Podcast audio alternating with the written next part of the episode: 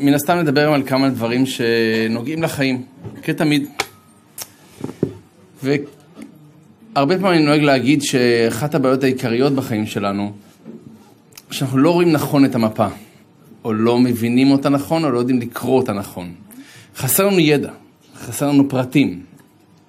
שאם היו לנו את הפרטים הללו, מצד אחד היה לנו יותר קל, כי היינו לפחות יודעים עם מה אנחנו מתמודדים, מצד שני, לא, אולי אפילו היה יותר קשה. אני אסביר מה הכוונה, נגיד היה איזה ילד אחד שאבא שלו רואה אותו בוכה,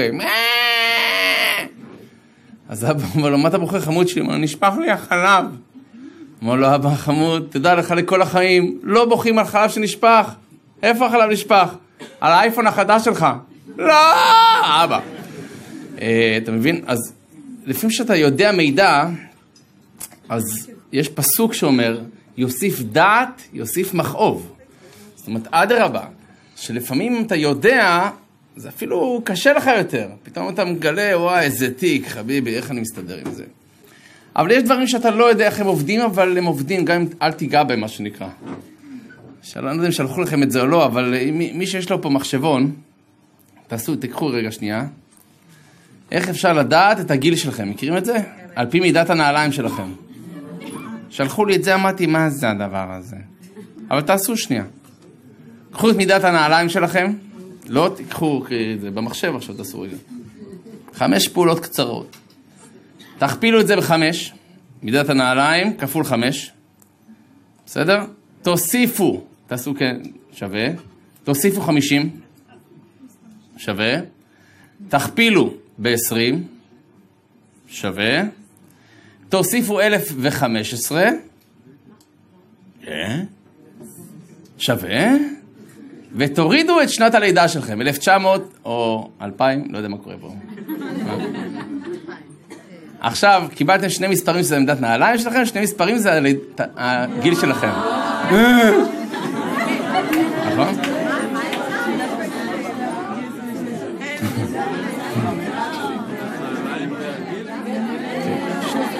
אחרי זה, אחרי זה אני אכתיב לכם איך עושים את זה.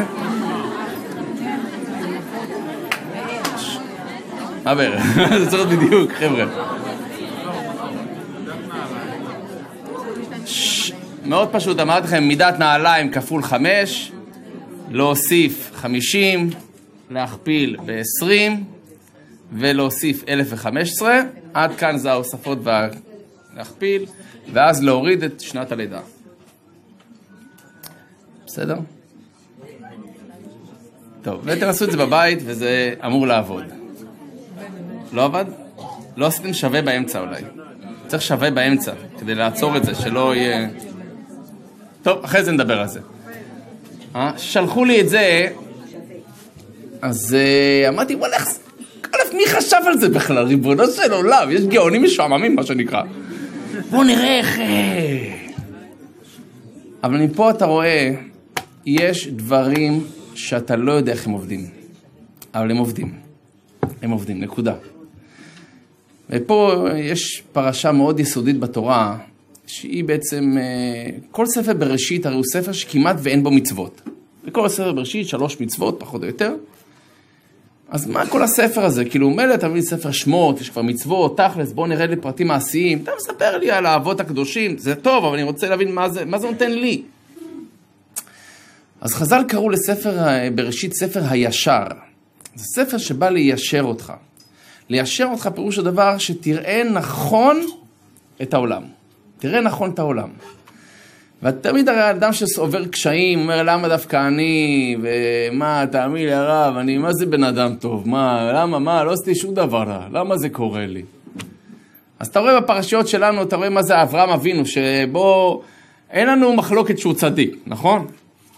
נו, תראה את הבן אדם הזה, מגיל אפס כבר כמעט הסתבך. אמרתי לכם פעם, לא צריך להרחיב, אבל הסתבך עם עבריין בשם נמרוד. בגיל שלוש זרקתו לכבשן האש, זו גם חוויה, אתה יודע. בקטנה אתה רץ לאיזה אח, אתה יודע, לא אח שלך, brother. הוא ניצל, מתחבא באיזה מערה, יש לנו 13 שנה, ואחרי זה ברוך השם מתחתן עם שרה, אין להם ילדים, נו, גם לא פשוט בכלל. אתה מבין, לכולם יש ילדים, מה הבעיה? תן לו איזה אחד, לא. עד גיל 100 אין לו ילדים שלו, גיל 99 קיבל את ישמעאל, אבל אין, אין לו ילד שלו, אין לו ילדים שלו, מה? לכולם יש. ואז אומרים לו, לך לך מארצך, ממולדתך, מבית אביך, בגיל 75, היה נוח לו בחרן, יש לו וילה שלו, פתח זיכוי הרבים, מחזיר בתשובה קצת, עושה עבודה טובה, מה אתה רוצה ממנו? לא, לך לך לארצך, לך, לך, לך, לארץ אשר הרקע. אלוקים מבטיח לו, תחשוב, אני מזמין אותך אליי הביתה, אני לא אדאג לך, אדאג לך. אברהם אביה מגיע לארץ שהקדוש ברוך הוא הבטיח לו, רעב. הוא היה צריך להגיד אלוקים, עד כאן, עד כאן, די, נו מה, מה זה המשחקים האלה? הייתי נשאר בחרן, היה לי סבבה, מה אתה רוצה ממני? לא מוציא מילה, יורד למצרים, מגיע למצרים, הוא מחביא שרה שם בתוך איזה ארגז, גם חוויה. שם אותה בתוך איזה מזוודה, להעביר אותה במכס, שלא יעצרו אותה במכס, ו... אתם מכירים את זה, שהיה פעם איזה אחד שעבר במכס, אז שאלו אותו, מה זה השקים האלה? הוא אמר, זה, זה אוכל של ציפורים. פתחו, ראו קפה. אתה עושה צחוק, אתה מבריח פה קפה. הוא אומר, לא, זה אוכל של ציפורים. הם אוכלים קפה? הבאת להם, ירצו, יכלו, לא ירצו, לא צריך. אתה מבין מה... אז אברהם אבינו בא, לא, לא מדווח שום דבר, עובר דרך המסלול הירוק, לא מדווח, תעצור, דווקא אתה. עכשיו, כולם עוברים, כולם עוברים חנק! הוא, תעצור. דווקא פתח את התיבה, כן, פתח את התיבה. פותחים את התיבה, מוצאים את שרה ממנו, לוקחים אותה לפרעה, יבוא אישי. די, רק, רק זה אפשר לגמור את הבן אדם, חלאס, אשתו אצל פרעה, די, עד כאן, אוקיי. ומחזירים לו אותה, ועוד פעם אין להם ילדים, ומכניסה את הגר הביתה, וישמעאל, עוד איזה עבריין. עד שנולד לו יצחק, עד גיל 37 לא נשוי. זה לא פשוט, חבר'ה. גיל 37, בחור רווק בבית, שיזכור דירה לבד, אני לא יודע מה, ילך לעבוד קצת. גיל 37, הניסיון האחרון, ניסיון העקדה, קשה מכל כמעט. ניסיון העקדה, לך תשחט את הבן שלך. מי... האדם אפילו הכי אגרסיבי או הכי אלים בעולם היה מתנגד לדבר כזה. כל שכן אברהם אבינו, שזה המוטו, בדיוק ההפך. והוא עושה את הכל. ורק תקבלו מושגים, אחרי שהוא עושה את הכל, הוא חוזר הביתה, לאשתו. ושרה נפטרה. שרה נפטרה בגלל העקדה. לאיזה הרגשה זאתי? הוא עושה הכל! כאילו, ועוד מבשרים לו שאשתו נפטרה. כאילו, מה, די, די, די. לא. להראות לנו שיש פה סוד שאנחנו צריכים להבין אותו. והסוד הזה זה בעצם הורמון גדילה, נקרא לזה ככה. מהו ההורמון הגדילה שגורם לאנשים באמת לגדול? מבחינה רוחנית אני אומר. מה, מה, מה זה ההורמון הזה?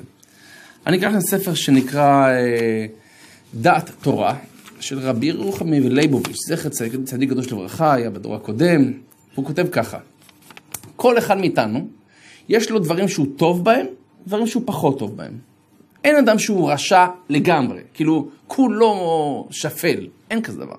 כל אדם יש לו לפחות תכונה אחת, שתיים יותר, טובות, שבזה הוא פיקס, ודברים אחרים שהוא חלש בהם. אתה יכול לראות אדם לא קשור לדת, כיבוד אב ואם אצלו מדהים, מדהים, מה זה מכבד את ההורים, יואו, מלאך, מצד אחד. מצד שני, אתה יכול לראות, כמו עשיו או דמה בן עדינה, חז"ל מביאים שם בגמרא סיפור אחד, ומצד שני יכול להיות שהוא כעסן מאוד. הוא מכבד הורים מדהים, אבל כעסן נוראי. לא יודע מה, אה, נדיב לאחרים, בעל חסד, אבל קנאי מאוד. זאת אומרת, כל אחד מאיתנו יש לו איזושהי מערכת של דברים חיוביים, דברים פחות חיוביים. לכן אברהם אבינו התנסה בעשרה ניסיונות. למה עשרה ניסיונות? למה לא מספיק אחד? תן לו את הגדול, תן לו את זה, יאללה. לא, אני רוצה לבחון אותו בכל מיני דברים, בכל מיני שטחים. לראות את הידע שלו. היה פעם אה, אצל החיזבאללה, המפקדים ככה החליטו, המפקד על, אמר להם, חבר'ה, מחר אנחנו הולכים לנישואי פיגארו. אז נא לבוא ללבוש הולם. טוב, למחרת כל המפקדים הביאו את הנשים שלהם, התלבשו יפה, הביאו מתנות. אומר להם המפקד, תגיד, אתם עושים צחוק? זה לא נישואים של חבר שלנו, נישואי פיגארו זה אופרה. רציתי קצת אינטליגנציה להכניס לכם, קצת אופרה, הצגה, משהו מרומם. אתם מביאים מתנות? אז הסגן אומר לו, המפקד, זה לא יפה שאתה אומר ככה. לפני חודש הלכנו לאגם הברבורים, בבית החכה, לא דיברנו. זה לא הכוונה. לפעמים רוצים לבחון אותך בכל מיני שטחים. בזה אתה טוב, בזה אתה לא יודע שום דבר, בוא נבדוק אותך. ולכן, אגם הברבורים כזה, זה לא כאילו גני יהושע. אה, אז הקדוש ברוך הוא מנסה את אברהם אבינו בעשרה ניסיונות. עכשיו אני הולך להגיד לכם קצת מה הולך להיות עם כל אחד מאיתנו אחרי 120. הרי על כל מעשה טוב שאנחנו עשינו נתוגמל. אבל זה לא מדויק. הוא כותב ככה, אני קורא לכם. על כל סוד העבודה שנתן הקדוש ברוך הוא לאדם, יש פה עניין. כי נתן לו מקום לאבד את עצמו. לכל אחד מאיתנו יש מקום לעבוד עם עצמו. כי על מה שתבעיו עושים כן, אין מקבלים שכר. במה שזה הטבע שלך, שזה פשוט לך, קל לך, אתה לא מתאמץ, לא מקבלים שכר. אני מדגיש, אבל חכו לאט לאט, אל תצאו לפני הסוף. סוגריים הוא כותב, רק בגדר שאין הקדוש ברוך הוא מקפח שכר כל בריאה. זאת אומרת, בורא עולם יתגמל כל אחד, אפילו עשה, לא יודע מה, מעשה הכי פשוט לו בעולם, הוא יקבל שכר. אבל זה לא עיקר השכר. על מה עיקר השכר של הבן אדם, הוא כותב? כל שכרו וזכותו הוא רק בצדדים הקשים שבאדם. ושם הוא צריך האדם לזכך את עצמו כל ימי חייו ולפעול מה בזה. לפי זה הרי מבואר היטב מה שהיה צריך דווקא עשרה ניסיונות. מגלה לך סוד, דבר ראשון, כל אחד מאיתנו בא לעולם הזה לעבוד. לעבוד. במה בעיקר? לדברים שאתה חלש בהם. מה שאתה חזק בהם זה טוב, תמשיך בזה. אבל זה לא חוכמה כל כך. אתה לא יכול להגיד, הנה, אני אדם טוב, תראה, אני לא עושה ככה, לא עושה ככה. אם לא עבדת על עצמך בנושא הזה, אז זה לא הכי חוכמה. אני רוצה לראות אותך בדברים שאתה חלש בהם, בסדר? זה מצד אחד. מצד שני אומר, שאלוקים ניסה את אברהם, ניסה מלשון נס להתנוסס, הרים אותו. ניסיון ונס על אותו שורש שבא להרים אותך. מה קל להרים אותך? ואלוקים ניסה את אברהם, אומר המדרש, ניסיון אחר ניסיון, גידולין אחר גידולין. אומר הרמח"ל, רבי משה חיים לוצטו, אחד מגדולי המקובלים בדור הקודם, בספר דרך, דרך עץ חיים שלו. צריך האדם לחשוב תמיד מה עשו אבותינו שחשק בהם הקדוש ברוך הוא. תגיד לי, מה הסוד שלהם? למה הם זכו שאלוקים מתגלה אליהם? תחשוב מה זה, אלוקים, מי שברא את העולם, מתגלה אליהם. אליך הוא התגלה? גם אליי לא תירגע, זה בסדר, אנחנו לא, אנחנו באותה סירה שלי. ואני רוצה להגיד לכם, דיברנו על זה כמה פעמים, גם הוא לא יתגלה. לא בדור שלנו. בדור שלנו הוא לא מתגלה לאף אחד. אבל תאורטית, למה הם השיגו השגות כאלה רוחניות? למה? אני רוצה גם להיות כזה, תבין, אני אומר האנשים המאושרים באמת, זה אלה שקצת מנותקים מכל הבלגן, החומר, הקטנוניות, הילדותיות. זה אלה שטיפה, אתה מבין, מורמים מעם, מורמים. הם חיים בספירה אחרת טיפה. לא מנותקים לגמרי, כי בעם ישראל אין ניתוק גמור. הכי קל להיות נזיר. תשב באיזה מין זה, מה, מה, מה, מה, מה, מה, מה. תקשר עם חייזרים, חבל על הזמן. בלי אישה, בלי ילדים, בלי עבודה. הכי פשוט. ביהדות זה לא, זה לא האידיאל, ממש לא. אפילו הכהן הגדול, שיהיה בדרגה הכי גבוהה בעולם, אם הוא לא נשוי, הוא לא יכול להיות כהן גדול. אתה חייב להתחתן, ולהביא ילדים, וכמה שיותר יותר טוב. למה? כי הם יוצאים כמו עשרה ניסיונות לאברהם אבינו, ככה עשרה ילדים נראות לך גבר. בוא, בוא, בוא, בוא. מי שפה מגדל ילדים שלך שתיים שלושה ואתה מתבכיין לי, תחשוב עשרה!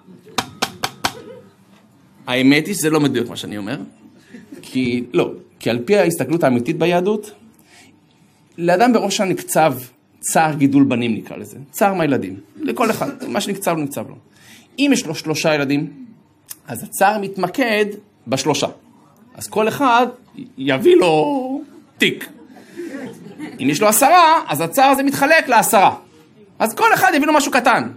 זה ככה, זה, זה ככה, זה. אבל אה, בלי קשר זה קשה, אוקיי? גם אם יש לך אחד או עשרים ושלושה.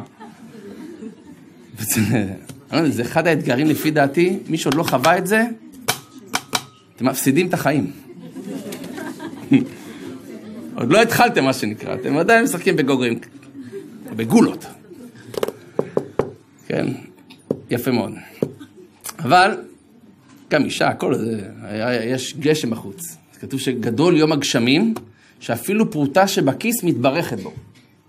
גדול יום הגשמים, שיורד גשם, יש ברכה לעולם, שאפילו פרוטה שבכיס מתברכת. שאלו אותי מה זה קשור? אז מה, בגלל הגשם נשים לא יכולות לקניות, והפרוטה מתברכת. זה יפה.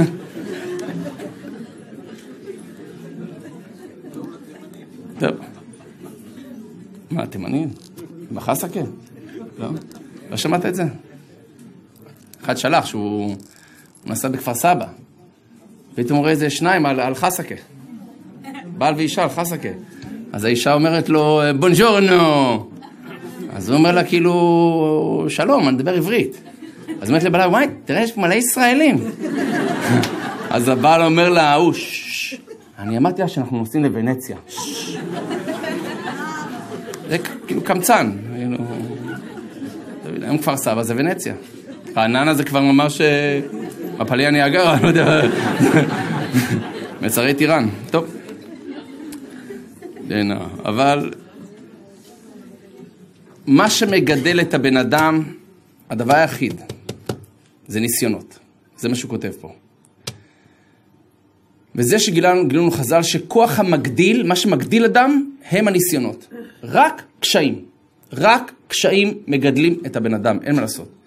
ידען האדם, כי כל הגדולים אשר היו לפנינו גדלו רק מאלו הרגעים, רק מאלו הרגעים, שהיה בהם כוח הגידול, מה שנקרא, והצמיחה. לכן אנחנו, ברור שאנחנו לא מבקשים ניסיונות, לא מבקשים קשיים, רק אני אומר עוד פעם, תדעו לכם שהקשיים שאתם עוברים בחיים לא הולכים לריק, ממש לא. א', זה בונה אותך. ב', זה עיקר השכר על מה שקשה לך. רק אדם לפעמים לא רואה את השכר וכדומה. אני אתן לכם עצה אחת, תראו, כדי לא להישבר, תחבקו את הכישלונות שלכם. מה הכוונה? כישלון לכאורה זה, זה משבר, אתה מבין? זה, זה, זה פוגע באגו, זה מרסק אותך. תחבק את זה, תדע לך. זה, יש בזה אוצר. שלחה לי מישהי, סיפור יפה שקרה לה. היא אומרת שהיא עד כיתה ו' הייתה תלמידה בינונית ומטה. לא לומדת, לא משקיעה. כיתה ו', לא יודע, היה לה איזה מבחן בתנ"ך, נח עליה רוח אלוקים, החליטה שהיא לומדת כמו שצריך. אבל באמת לא לומדת כמו שצריך. למדה פרקים בעל פה, בתנ"ך, רש"י. חצי אבל היא לא הספיקה ללמוד. זאת אומרת, חלק למדה מצוין, חלק לא הספיקה בכלל. היא ניגשה למבחן וקיבלה ציון 83. בחיים שלי, אמרה, לא ראיתי ציון כזה. אולי הפוך, 38. אבל 83 בחיים שלי. הייתי כל כך שמחה, אבל ליד התשובות המושלמות, שבאמת, אני ידעתי מילה במילה. המורה כתבה לי תשובה מחשידה. תשובה מחשידה. אני מה זה נפגעתי? אני מה זה נפגעתי? פעם ראשונה בחיים שאני לומדת כמו שצריך. באתי הביתה, בכיתי לאימא שלי, אימא שלי כבר התעצבנה, התקשרה למורה, אה! והמורה אמרה שהיא תבקש סליחה. ואני אומרת לך, הרב, אני כבר אישה נשואה, היא אמרה לי, עדיין לא ביקשה סליחה. ותראו איך היא זוכרת את זה, אה? אני לא זוכר שהייתי בכיתה ו' בכלל. יש לי בלקאוט בכל התקופה, לא יודע, כל, כל היסודי, זה היה בכלל הדברים האלה, לא יודע, אני לא זוכר כלום. היו היה פעם כיתה ו', לא יודע. אבל אה, תראו איך זה נחרט, אה? להבדיל, אני אספר לכם סיפור אחר שנחרט. היה לא מזמן אה, חתונה. אז בחתונה, אחרי החתונה אצל דתיים, בכלל, יש דבר שבע ברכות. לא רק בחתונה יש שבע בחופה, גם שבעת ימי המשתה. אחרי זה, אחרי החתונה, יש שבעה ימים של שבעת ימי המשתה, זה נקרא, שכל יום הם מוזמנים לסעודה, או אחת או שתיים אפילו, ובסוף הסעודה יש שבע ברכות, מאוד חגיגי כזה. החתן והכלה כמו מלכים. שבוע אחד הם כמו מלכים לא עושים כלום, כלום, כלום, כלום. אחרי זה זה לא ירח דבש, ביהדות יש, דיברנו על זה פעם, שנה שלמה של דבש, אין ירח. לא באמת, שנה שלמה. יש חיוב על הגבר, מצוות עשה מן התורה, כמו תפילין, ציצית, שבת וכדומה. שנה שלמה, אומר הפסוק, ושימח את אשתו אשר לקח. חיוב על הגבר, סליחה שאני אומר לכם את זה, אה? הרב תגיד את זה בשקט, מה אתה מבין? מה זה? אל תקשיבי, הרב סתם אה, זה... זה היה פעם, בתקופת התנ"ך.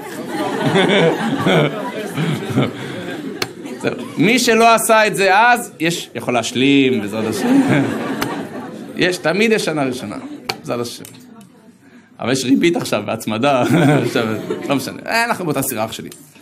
לפחות אל תהרוס, אתה מבין? אחד אמר לאשתו, יש לך יופי טרופי. אמר לו, די, מה הכוונה?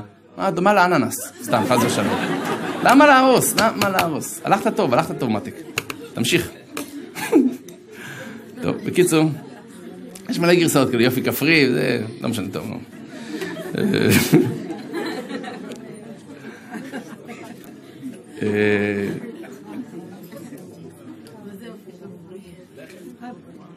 כל מיני בעלי חיים ש... בדיר וזה, טוב, לא משנה, לא. אה, הייתה חתונה, אחרי החתונה היה שבע ברכות, החתן, בחור ישיבה. בשבע ברכות הזה הזמינו את הצוות שלו מהישיבה, הרבנים שלו, הראש ישיבה, וזה משהו מאוד מכובד, מאוד תורני כזה. ואז הוא אמר לצוות שלו בישיבה, אני רוצה לספר לכם סיפור, כי זה יהיה נוגע גם לכם, כי אתם אנשים שמלמדים אחרים, אתם עובדים עם, עם, עם נוער, עם ציבור, אז תקשיבו לסיפור הזה. הוא אמר שאני הייתי בן עשר, אני באתי ממשפחה שלא היה להם הרבה אפשרויות כלכליות. ובתלמוד תורה שלמדתי, למד ילד אחר, שהוא בא במשפחה בדיוק ההפך, שהיה להם יותר מדי אפשרויות כלכליות, והוא היה מפונק כזה, כל מה שהוא רצה או לא רצה היה מקבל. בגיל 10 ההורים שלו קנו לו שעון, אבל לא סתם שעון רגיל כמו הילדים, כמו איזה מותג, מחו"ל, ו... הקרבים שלו אמרו, קח את השעון, אין לנו בעיה שתיקח את השעון לחיידר, לתלמוד תורה, אבל אל תשחק איתו כדורגל. בהפסקה כדורגל, תוריד אותו, שלא יישבר, שלא זה. אז בהפסקה הוא הוריד את השעון והלך לשחק כדורגל. כשהוא חזר מהכדורגל, השעון לא היה במקום. מישהו פילח אותו. הוא בא למורה, המורה, מישהו לקח לי את השעון.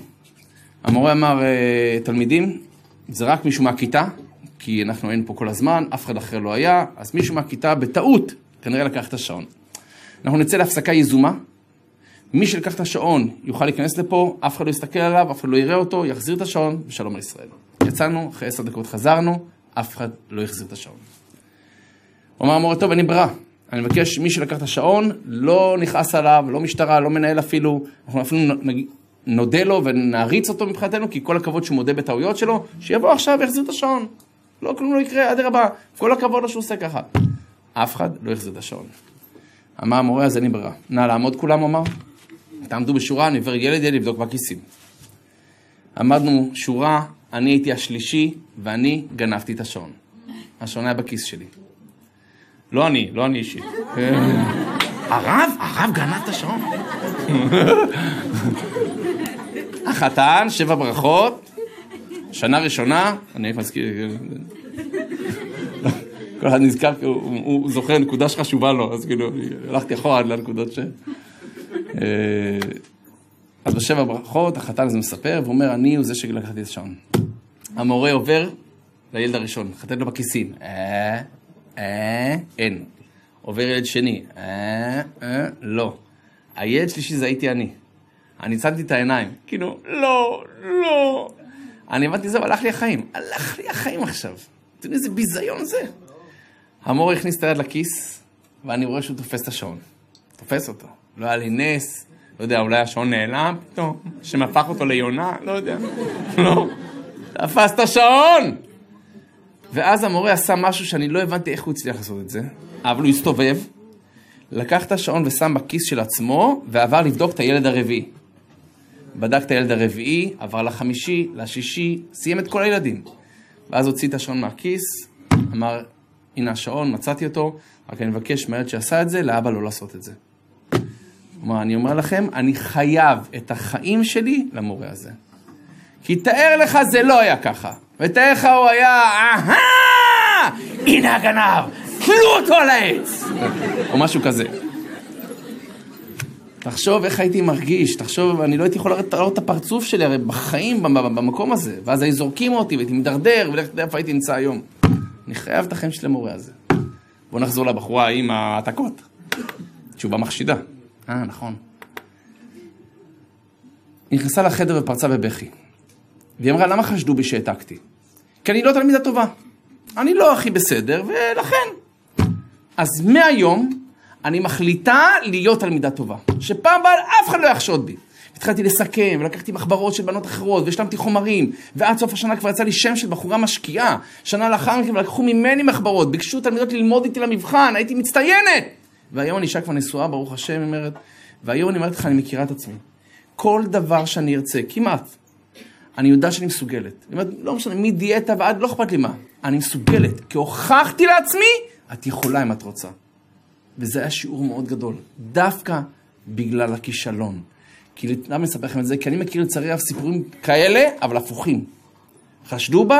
אה, חושדים בי? אין בעיה, זה מורה מגעילה, אני אראה להם, אני אשרוף לה את הכיתה, אני אראה... ואז יוצאת נגד ואנטי, אה, כולם רואים אותו דבר, כולם ממסד, וכולם... ואז כבר מפנים אותם בבית ספר, לבית ספר של בעייתיות, ועוד רגע פנימייה, ווואו? היא הצליחה 83, תגידי תודה. לא, למה חשדו בי? למה? לחבק את הכישלונות שלנו.